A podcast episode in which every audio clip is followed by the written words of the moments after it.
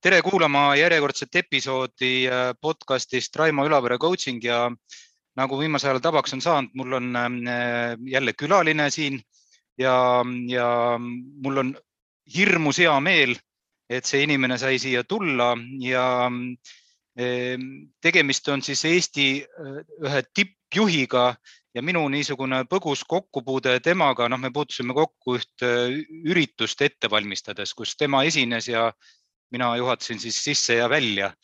et ähm, ja seal räägiti ka juhtimisest ja, ja, ja juhtimisest kriisis, et, ähm, et see inimese niisugune nagu, kuidas ma siis ütlen, silmavaade tundus mulle kaunis selge ja,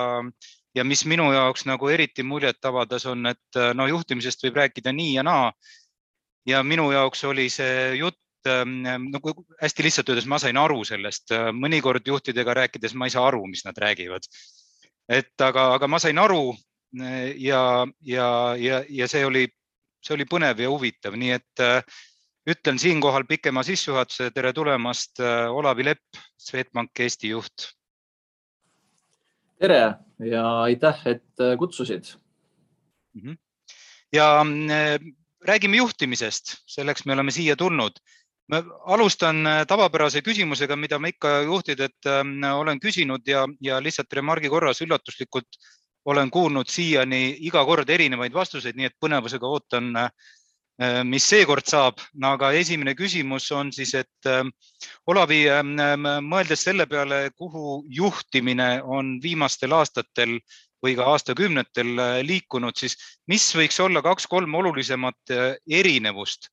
võrreldes siis ähm, äh, noh, ütleme siis piltlikult öeldes kakskümmend üks sajand ja kakskümmend sajand või nii-öelda äh, sümboolselt väljendades niisugune uus juhtimine ja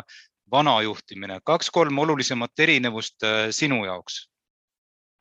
ja ma pean kohe algatuseks ütlema, et mina olen juht olnud ainult kahekümne esimesel sajandil, nii et ma pean siin pigem siis oma sellise vaatleja hinnangu andma, eks ole. aga selleks, et selleks, et öelda, mis juhtimises on, on muutunud, peaks ilmselt vaatama, et kuidas töö iseloom on muutunud. mina mõtlesin selle nurga alt, eks ole. et äh, esimesena kindlasti tuleb meelde, et, äh, et töörollid vähemalt Lääne-Euroopas on muutunud. Äh, ma arvan, peame mingisuguse geograafilise piiri võtma, muidu me, muidu me läheme väga rappa. et kui me võtame Lääne-Euroopa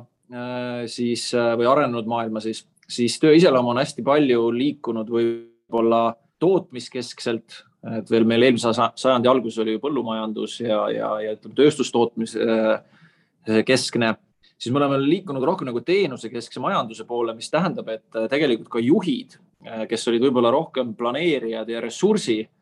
kuidagi käsutajad ja seetõttu sellised võib-olla hästi ülevalt alla on, on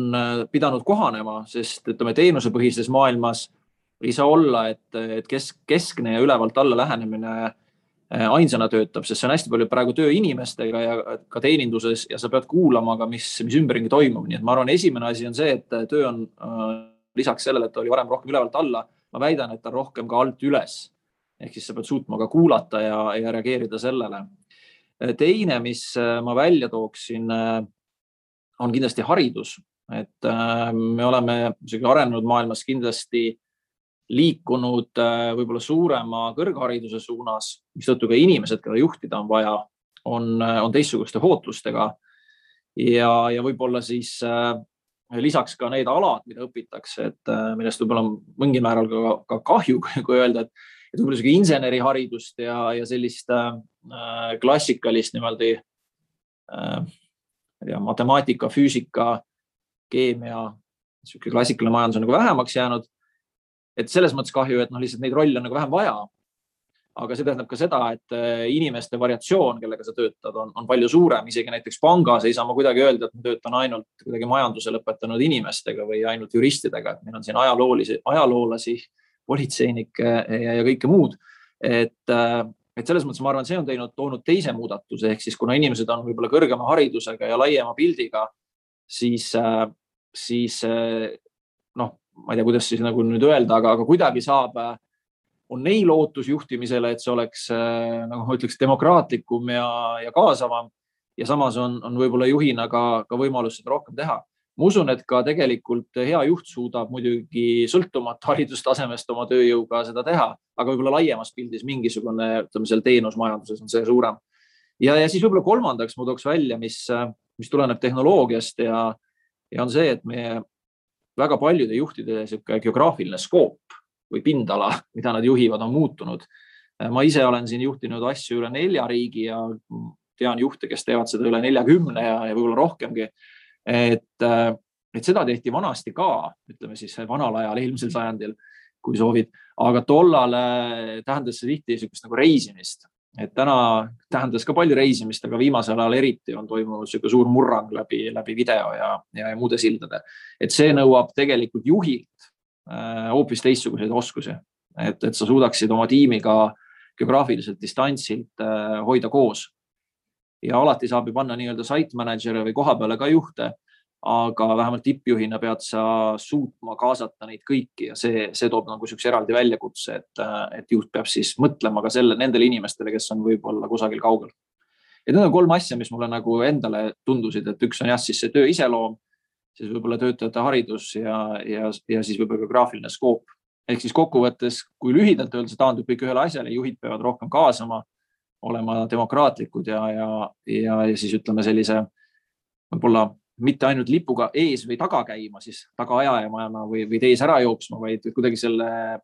selle tiimi sees olema ja koos liikuma, et, et, et see on minu meelest niisugune hea visuaal mhm. no kui sa ütlesid, et sina oled juht olnud ainult kahekümne esimesel sajandil, siis tegelikult on ju sedagi sajandit juba päris pikalt olnud. Olavi, mis on mis on sinu kui juhi retsept, mis on need põhimõtted, mida sa mingis mõttes ka võib-olla algusest peale oled endaga kaasas kandnud või mis vähemasti on püsinud sinuga äh, kaasas äh, pikemaajaliselt kui, kui, kui lihtsalt aasta-paar mm? -hmm. nii nagu kõik juhid või enamus juhte, kes, kes selleks saab spetsialistist või eksperdist, olen ma ka oma rehad ära astunud, nii et pigem on need töö käigus tekkinud põhimõtted ajapikku aga noh, seal on mõned olulised asjad, et, et esimene on see, et eh, juht peab õppima ja siis hiljem juba ka oskama nautida eh, seda, et eh, töö viljad toovad ära tema tiimi liikmed, mitte tema ise. ehk siis, ehk siis selline suur delegeerimine ja usaldus on selle nagu suur aluspunkt. miks ma seda ütlen, on see, et tulles eksperdina, see on klassikaline lõks, et sa oled olnud edukas kogu oma karjääri selles, et sa teed ise asjad ära. Ja see on väga suur siis oht, et sa juhina saad aru, et kõige paremini teeb seda asja. Äh, noh, teen seda mina ise ja sa ei jõua nagu delegeerida või ei usalda või mis iganes siis nagu probleemid seal tekivad, et see on hästi oluline on nagu delegeerida. Äh, ja, ja noh, see eeldab siis usaldust, aga see eeldab ka siis nagu kontrolli ja mingeid teistsuguseid tööriistu nii et ütleme, minu jaoks esimene on see, et ma pean, ma töötan hästi siis, kui minu ümber on inimesed, keda ma saan usaldada, kes võtavad ise initsiatiivi. Mul on see luksus jah, et ma täna olen ju juhtide juht. et, et, et seal kuidagi selline meie enda organisatsiooni ja minu ootus on väga-väga selge iseseisvus ja proaktiivsus. Ähm, noh, tegelikult me ootame sedasama ju ka kus spetsialisti ja eksperdi tasemelt, aga, aga võib-olla just juhtide juhina on see eriti oluline, et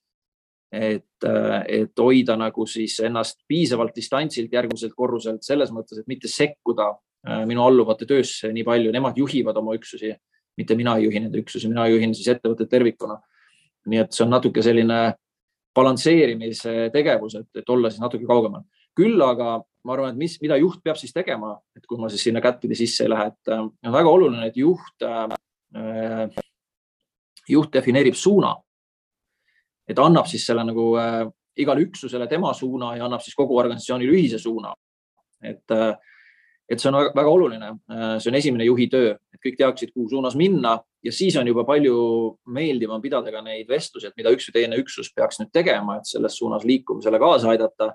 Sest äh, on olemas see nagu baaspunkt, et me peame kõik koos liikuma, noh, olgu see siis äh, sõltuvalt üksusest siis kasumlikkus, tegelema tuludega, kuludega, tegelema töötajate heaoluga ja nii edasi, iga üksuse saad sa nagu siis nagu kokku võtta, nii et suuna peab andma juht. Teiseks, mida juht veel saab teha siis nagu, et kui sa, äh, kui sa, kui ma ütlen, eks ole, et, tuleb delegeerida, juht peab koostama meeskonna ja see on nagu väga oluline samm selles. Äh, eriti sest tihti me ju tuleme kuhugi tiimi, kus juba tiim ongi koostatud, et sa pead seda hindama ja siis kasvatama neid juhte või, või vahest ka, ka, ka tegema seal meeskonnas muutusi. et see on juhi roll igal ajahetkel siis võib-olla ka natuke kriitiliselt vaadata oma tiimile otsa, et kas, kas see, millega on tuldud siis nagu läbi, läbi erinevate aegade, et kas see on see just, mida nüüd täna ka vaja on, et võib-olla on seal vaja mingeid korrastusi teha nii rollides kui ka, kui ka inimestes võib-olla. et see on teine asi, et, äh, et kui suund on näidatud ja kollektiiv on kokku pandud, üldiselt siis on juba niimoodi, et äh, kui asjad valesti hakkavad minema, siis, siis võib ainult äh, nende kahe esimese punkti juurde tulla, et kas sai vale suund näidatud või, või sai valed inimesed äkki valitud kuhugi. et siis tuleb neid inimesi aidata või, või suunda täpsustada. Ja noh, kolmas, ega siis muud üle ei jää, et, et kui jätta kõrvale kõik need, ütleme sellised mehaanilised tööd natuke, et nagu eelarvestamine, planeerimine, ressursid ja, ja muu, et siis sul jääb üle ainult nagu oma liidri rollis siis jääda oma sellele suunale truuks või vajadusel muuta aga olla siis see eestkõneleja kõigile ehk siis tuua kõik kokku ja märgata ka neid konflikte, kui need aeg-ajalt tekivad organisatsioonis. ja, aga üldiselt ma võin ise öelda, et kui on õnnestunud värvata enda ümber hea tiim ja, ja suund on selge kõigile, siis, siis üldiselt äh, seal vahepeal tasub ainult meeles pidada, et inimesi siis tunnustada, et see ei ja, ja tunnustamine võib tihtipeale olla ka muide või enamasti äh, ka hea sõna, et, et näha, märgata seda, kes tõesti on teinud äh, väga head tööd ja seda siis ka välja öelda. ja, ja noh, mu enda see niisugune põhimõte on olnud, et kui öelda midagi head kellegi kohta, siis peab sellega nagu ära põhjendama, miks ma arvan, et see on hea, mitte lihtsalt öelda, et hea töö, noh. Okei okay,, see on alati, see on kuidagi lihtne ja sõnakõlks, aga sa pead siis ütlema, mulle väga meeldis selle raporti ülesehitus või, või see, kuidas mingi järelduseni jõuti või, või see põhjalikkus, ühesõnaga tuua alati välja spetsiifiliselt, mis hästi oli, et see on ka juhi rollis oluline, et inimesed tunneksid, et, et juht ei käi, ei räägi niisama, vaid, vaid ta märkab ja tõesti hindab nagu head tööd. et need on need kolm asja, et äh, suund valida, meeskond kokku panna ja siis, äh, siis ära mitte unustada, et äh, tuleb ka tunnustada neid inimesi, kes seda head tööd teevad, et nad tahaksid ka edasi seda teha. Midagi sellist mm. -hmm no tõenäoliselt ei ole ka sina puutumata juhina jäänud äh, Ehm, niinimetatud halvast juhtimisest, noh mingis mõttes tunned kohe ära, et see nüüd küll kuhugi ei vii ja, ja see on midagi, mis on, ehm, mis viib meid pigem, pigem sellest sihist eemale. mismoodi, Olavi, sinu jaoks näeb välja halb juhtimine tänapäeval? Eks ta on võib-olla see peegelpilt sellest, mis ma just kirjeldasin, et aga, aga noh, võib-olla lisan sinna midagi, et et loomulikult ju halb juhtimine on see, kui, kui puudub selline orientatsioon või suund, et miks me üldse siin koos käime, on see siis üksuses või ettevõttes, eks ole, et, et see, see peab olema suhteliselt hästi paigas ja, ja eesmärgid ei saa olla väga sellised äh, ümarad ja ujuvad. peab ikka üsna selge olema, et me oleme siin selleks, et äh, toota omanikule head kapitalitootlust, me oleme siin selleks, et pakkuda klientidele äh, teenust, millega nad rahul on, sest noh, vastasel korral sul ei ole midagi investoritele pakkuda ja, ja kolmandaks äh, minu jaoks hästi oluline on ka see, et, äh, töötajad oleks rahul, eks ole, sest muidu ei saa kliendile midagi pakkuda. nii et siit nagu tagurpidi siis ongi halb juhtimine on see, et kus, äh, kus unustatakse ära, miks, et kusagil on ka kliendid, vaid tegeletakse mingi protseduurikaga ja, ja üldiselt kõige halvem juhtimine, võib-olla see tuleneb minu enda loomusest, aga noh, minu arvates kõige halvem juhtimine on niisugune micromanagement või kuidas see eesti keeles on siis mikromanageerimine või mikrotasandil juhtimine, et minnakse detaili minnakse siis sealt äh, nii-öelda juhtimistasanditest läbi ja hakatakse ise ressursse ja inimesi seal juhtima ja vahetama ja, ja justkui ka motiveerima. ja mis tundub nagu kohati, et hästi tore, et suur juht saabus ka nagu äh, appi. aga noh, ma, ma täiesti tõsiselt usun sellesse, et kui, kui minna äh, niimoodi detailis sisse, noh jutumärkides kaks korrust alla või siis oma, oma juhtimistasanditest läbi, siis ma tegelikult õõnestan sellega iseenda juhtimistiimi mandaati ehk siis tekib küsimus, et äh, mida nemad siis iga päev peaksid tegema, kui mina seal käin nende korrustel asju ajamas. et, äh, et ma arvan, halb juhtimine on kindlasti käib, äh, micromanagement käib sellega kuidagi kaasas. ja, ja seetõttu ma proovin sellest ise hoiduda, ma ei ole, ütle, et ma sellest igal hetkel suudan hoiduda, aga see on vähemalt üks asi, mis ma tean, et on halb. ja võib-olla siin ongi ainult üks erand. Kui üldse öelda, et millal võib juht mikrojuhtida, siis see on mingisugune suurema, suurema mastaabiline kriis kus ka on teatud ootus, et võib-olla, võib-olla ka tippjuht tuleb ja korraks äh, lükkab õlaga need rattad käima ja, ja panustab ka ise vajadusel pliiats käes või siis klavatuur nii-öelda ees tänapäeval. et äh, see on nagu ainus erand, mis mina olen oma karjääris kohanud, kus, äh, kus ei olegi lihtsalt kuhugi lükata, tulebki võtta ka see kõige läbi organisatsiooni minna ja, ja aidata vedada. Aga muus osas ma ütlen, et, et juht peaks ikkagi hoiduma oma juhtimistiimi juurde ja mitte minema mikromanageerima. no see on minu jaoks on see kõige hullem, on see see, kui eesmärgid puuduvad, nendega saad sa juhtimistiimiga töötada, aga kui sa lähed sinna nagu nii-öelda organisatsiooni hierarhiast läbi, siis see on selline minu jaoks üks võib-olla kõige halvem. ja noh, muidugi ütleme geograafilisest, mis, kus me ennem alustasime, et, et inimeste äraunustamine on ka loomulikult ära ütlemata halb, et kui sul on tiim üle mitme riigi või mitme asukohaga Eestis näiteks, siis äh, ei tohi kindlasti ära unustada oma inimesi, et sa pead ühe, ma, ma ei ütle, et ma seda suudan teha, et ma pigem kohtun oma juhtidega siin üsna regulaarselt, aga mulle väga meeldis, kui mul oli ülepiiriline tiim, siis ühel, ühel ka niisugusel juhtimiskoolitusel öeldi, et pane endale reedeks üks tund kalendrisse ja, ja mõtle, kas sa oled kõigi oma tiimi liikmetega see nädal rääkinud ja kui ei ole, siis lihtsalt võta toru ja helista korra. et see oli nagu nii sihuke silmi avav, sest noh, olles ise kusagil oma, oma muudes protsessides, protsessides sees, võid sa ära unustada, et, et su tööriistaks on siiski inimesed, kes ümber on ja, ja selline reedeõhtune kõne võib-olla päästab kellegi nädala, et, et sa ikkagi suutsid neile mingisuguse sisendi anda või toe, et, et seda mul täna ei ole vaja, kuna ma näen oma tiimi ikka üsna regulaarselt. aga, aga võib-olla sihuke jah vihje, et ärge unustage oma inimesi ära, et see on oluline. No juhtide edukust on mõõdetud ju igate moodi ja räägitakse tulemusest, meeskonnast on olemas äh, pädevusmudelid, on olemas äh, kuulsad asjad nimega kalibreerimised ja kõik muud asjad. kuidas, ähm, Olavi, sina defineerid äh, seda, kui juht on edukas? No ega seda ei saa vist, noh, tähendab, saab ka tiitlitega mõõta, eks ole, et üldiselt siis kolleegid tunnustavad ja ka ütlevad, et aeg-ajalt saab selliseid üritusi ka teha. aga see jääb ikkagi kolleegide näha, sest ma arvan, väljaspoolt on, on nagu keeruline seda osa tööst näha, et, et kas sa oled edukas, ütleme tiimi komplekteerijana. nii et ütleme, siis on see edu ilmselt saab vaadata nagu mitmes suunas, üks on see, et tippjuhina kindlasti, et äh, kas sinu investorite või omanike siis eesmärgid on täidetud, et äh, ilma selleta vähemalt niisugune nagu tegevjuhi positsioonis äh, ei saa pikast karjäärist kahjuks rääkida, eks ole.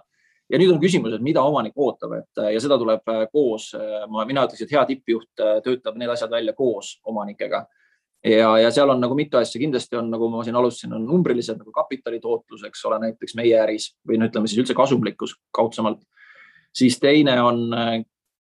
mida mul on õnn olnud töötada organisatsioonis, kus on alati väärtustatud äh, väga palju kliendi rahulolu. sest on see, ütleme, võib-olla natuke selline Jaapani loogika, et, äh, et klient on sulle pikaks ajaks ja, ja klient on sinu suur õnn, kui ta lubab sulle oma endaga äri ajada ja pikaajaliselt ei saa olla edukas, kui su klientide rahulolu ei mõõda ja sellega iga päev ei tegele. et äh, mulle väga meeldib, et meil on eraldi inimesed, kes sellega tegelevad, ma ise loen ka äh,, iga nädal ei jõua, aga ma arvan, nädalas või kuus-paar korda ma loen neid raporteid, mis puudutavad kliendi rahulolu, et, et aru saada, kus see king siis ikkagi pigistab, et noh, selline teadlik töö. et, et see on nagu hästi oluline, kliendid oleks ka rahul, et see on niisugune pikaajaline luba üldse äri teha, et äh, finantsinspektsiooni ja, ja järelevalvete load on selline seaduslik miinimum meie äris aga tegelik nagu litsents on see, et sul on kliendid, kes sind usaldavad. ja kolmandaks, nagu ma korra mainisin ka, et on, on see, et, et töötajate rahulolu, seda peab mõõtma ja sellega peab tööd tegema. et, et ja siis see nagu noh, mida siis tippjuht saab seal teha, on see, et tagada, et tema kõik juhid mõõdaksid ja tegeleksid sellega, nii et meil täiesti on rutiin välja kujunenud, et mina tahan, et kõik töötajad tuleksid panka hea tujuga ja, ja mõnusa energiaga, nagu ma ise tulen ja selleks ma tahan, et aeg-ajalt ka mõõdetakse selliste anonüümsete uuringutega, selles ei ole midagi halba. Et kuidas sa tunned ennast, kas sa soovitad sellist tööandjat ja kui me näeme seda üksuste kaupa, siis me näeme kohad, kus on ka nagu nõrgem juhtimine või, või võib-olla see ei ole nõrgem juhtimine, aga võib-olla on parasjagu käimas midagi, mis töötajatele üldse ei meeldi, siis tuleb võib-olla appi minna natukene. aga et äh, ma ütleks seda, et äh, hea juht on siis see, et äh, need kolm gruppi peavad olema kindlasti hästi nagu hoitud ja leitud hea tasakaal siis tegelikult investorite, töötajate, klientide vahel tasakaal leida, see on selline korralik balansseerimisharjutus, sest kui sa lähed väga investorite poole kaldu, siis tõenäoliselt võtad sa kliendi taskust liiga palju ja unustad töötajad.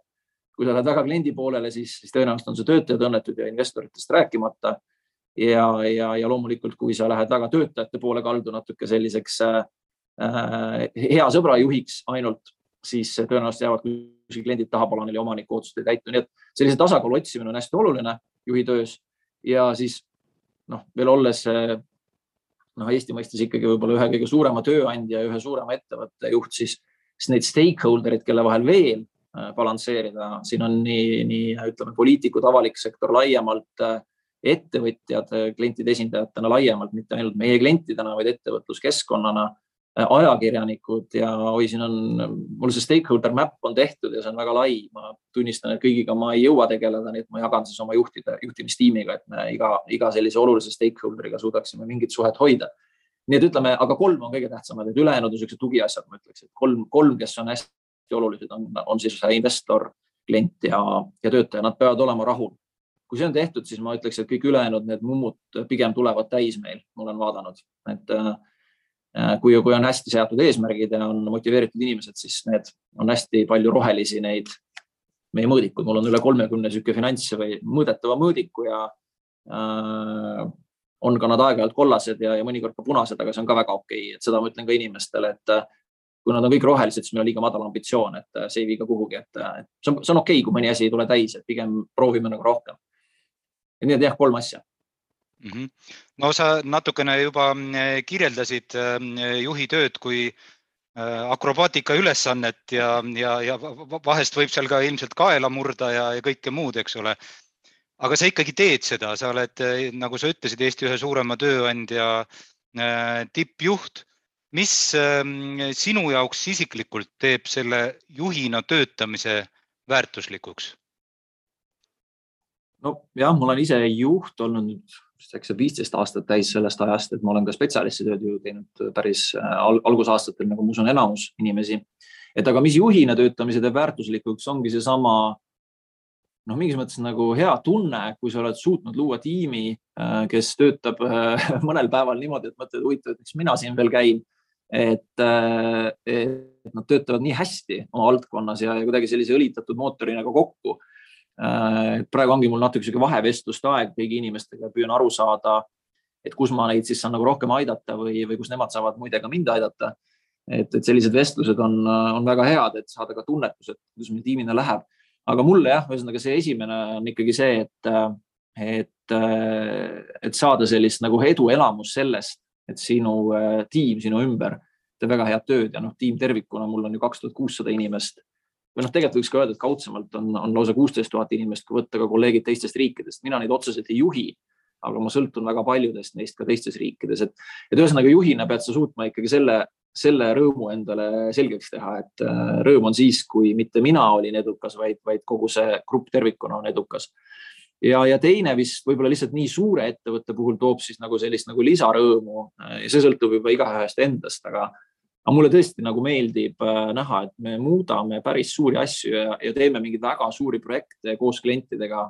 projekti teevad lõpuks kliendid, aga, aga me oleme seal väga heaks abimeheks koos oma kompetentsi ja, ja võib-olla ka sellise, see toega. et äh, sellises nagu noh, see, see on niisugune sektori spetsiifiline, et, äh, et mulle pakub see rõõmu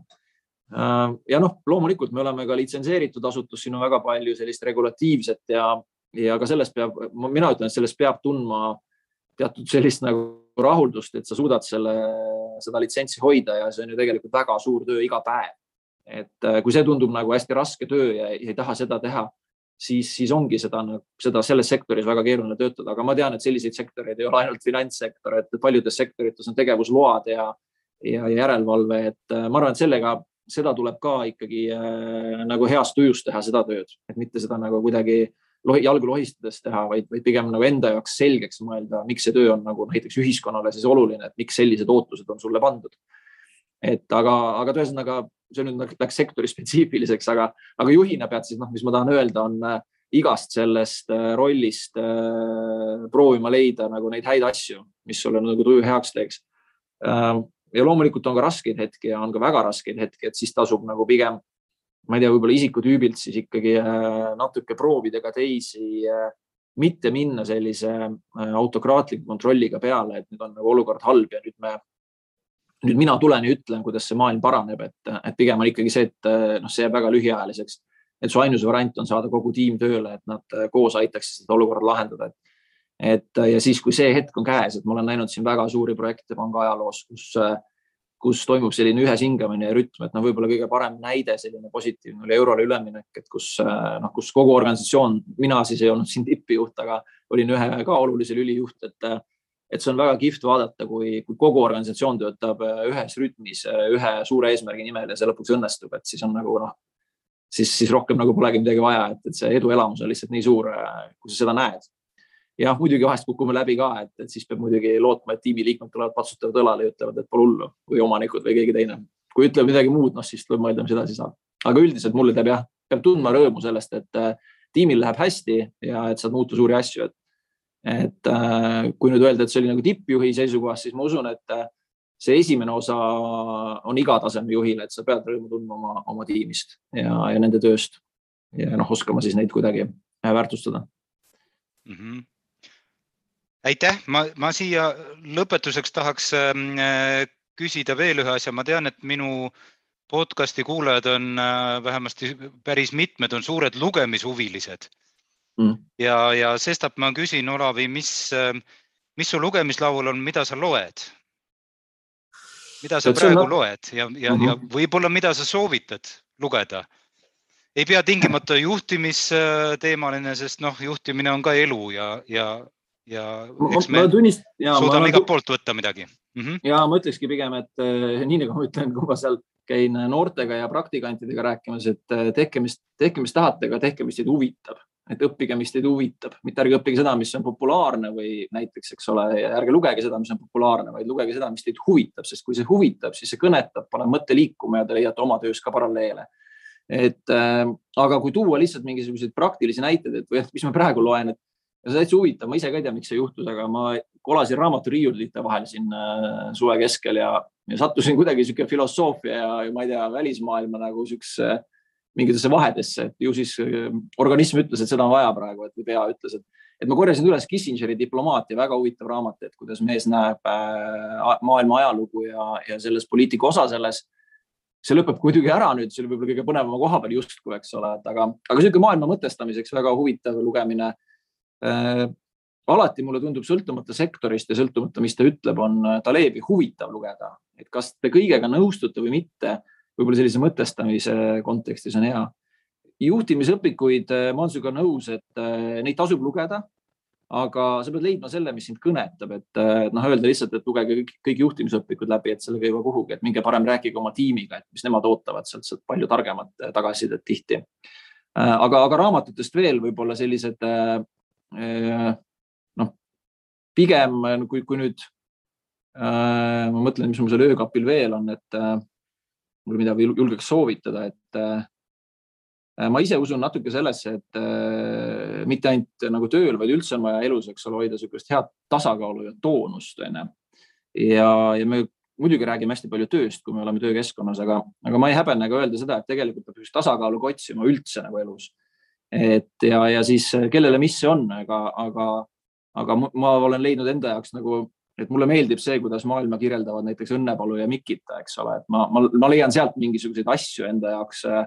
mis on palju suuremad kui mu töö ja, ja noh, tõenäoliselt palju suuremad kui mu enda elu, eks ole. et, et seda nagu annab sellise teatud perspektiivi tunnetuse mõnikord, kui olukord tundub enda jaoks olu väga-väga halb, näiteks noh, ma ei tea, ettevõttes on mingisugune kriis või, või on meil Covid väljas siis on hea seal meelde tuletada, et on, on veel suuremaid asju.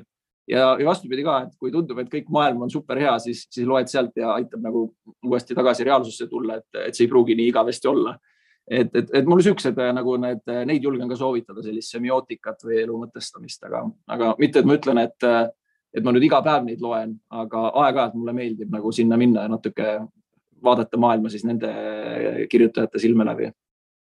Mhm, aitäh, et kuulajatele lihtsalt nii palju, et äh, keda Olav siin vahepeal mainis, Taleb on siis Nassim Nicolas Taleb, kellel on ka eesti keeles mitu, mitu head raamatut ja üks neist, kui ma ei eksi, ka Swedbank abiga välja antud või paar tükki lausa, nii et ma panen need blogi äh, podcast'i tutvustusse, keda huvitab, siis saab sealt ka vaadata ja aga... ma arvan, just, just need esimesed raamatud on mind kuidagi rohkem kõnetanud, aga päris kõige viimast ei ole ka muide lugenud, nii et võib-olla hoopis see kõnetab lõpuks rohkem, kui ma sinna jõuan. Suur aitäh, Olavi, et, et jõudsime juhtimise juurest elu mõtestamiseni. nüüd on võib-olla õige hetk panna, panna punkt ja, ja, ja minna siis nagu eluga edasi, et veel kord aitäh, et nõustusid tulema. jutud olid põnevad, ma usun, et, et kuulajatel oli sama huvitav kui minul neid kuulata ja, ja, ja kindlasti on siit üht-teist kaasa võtta.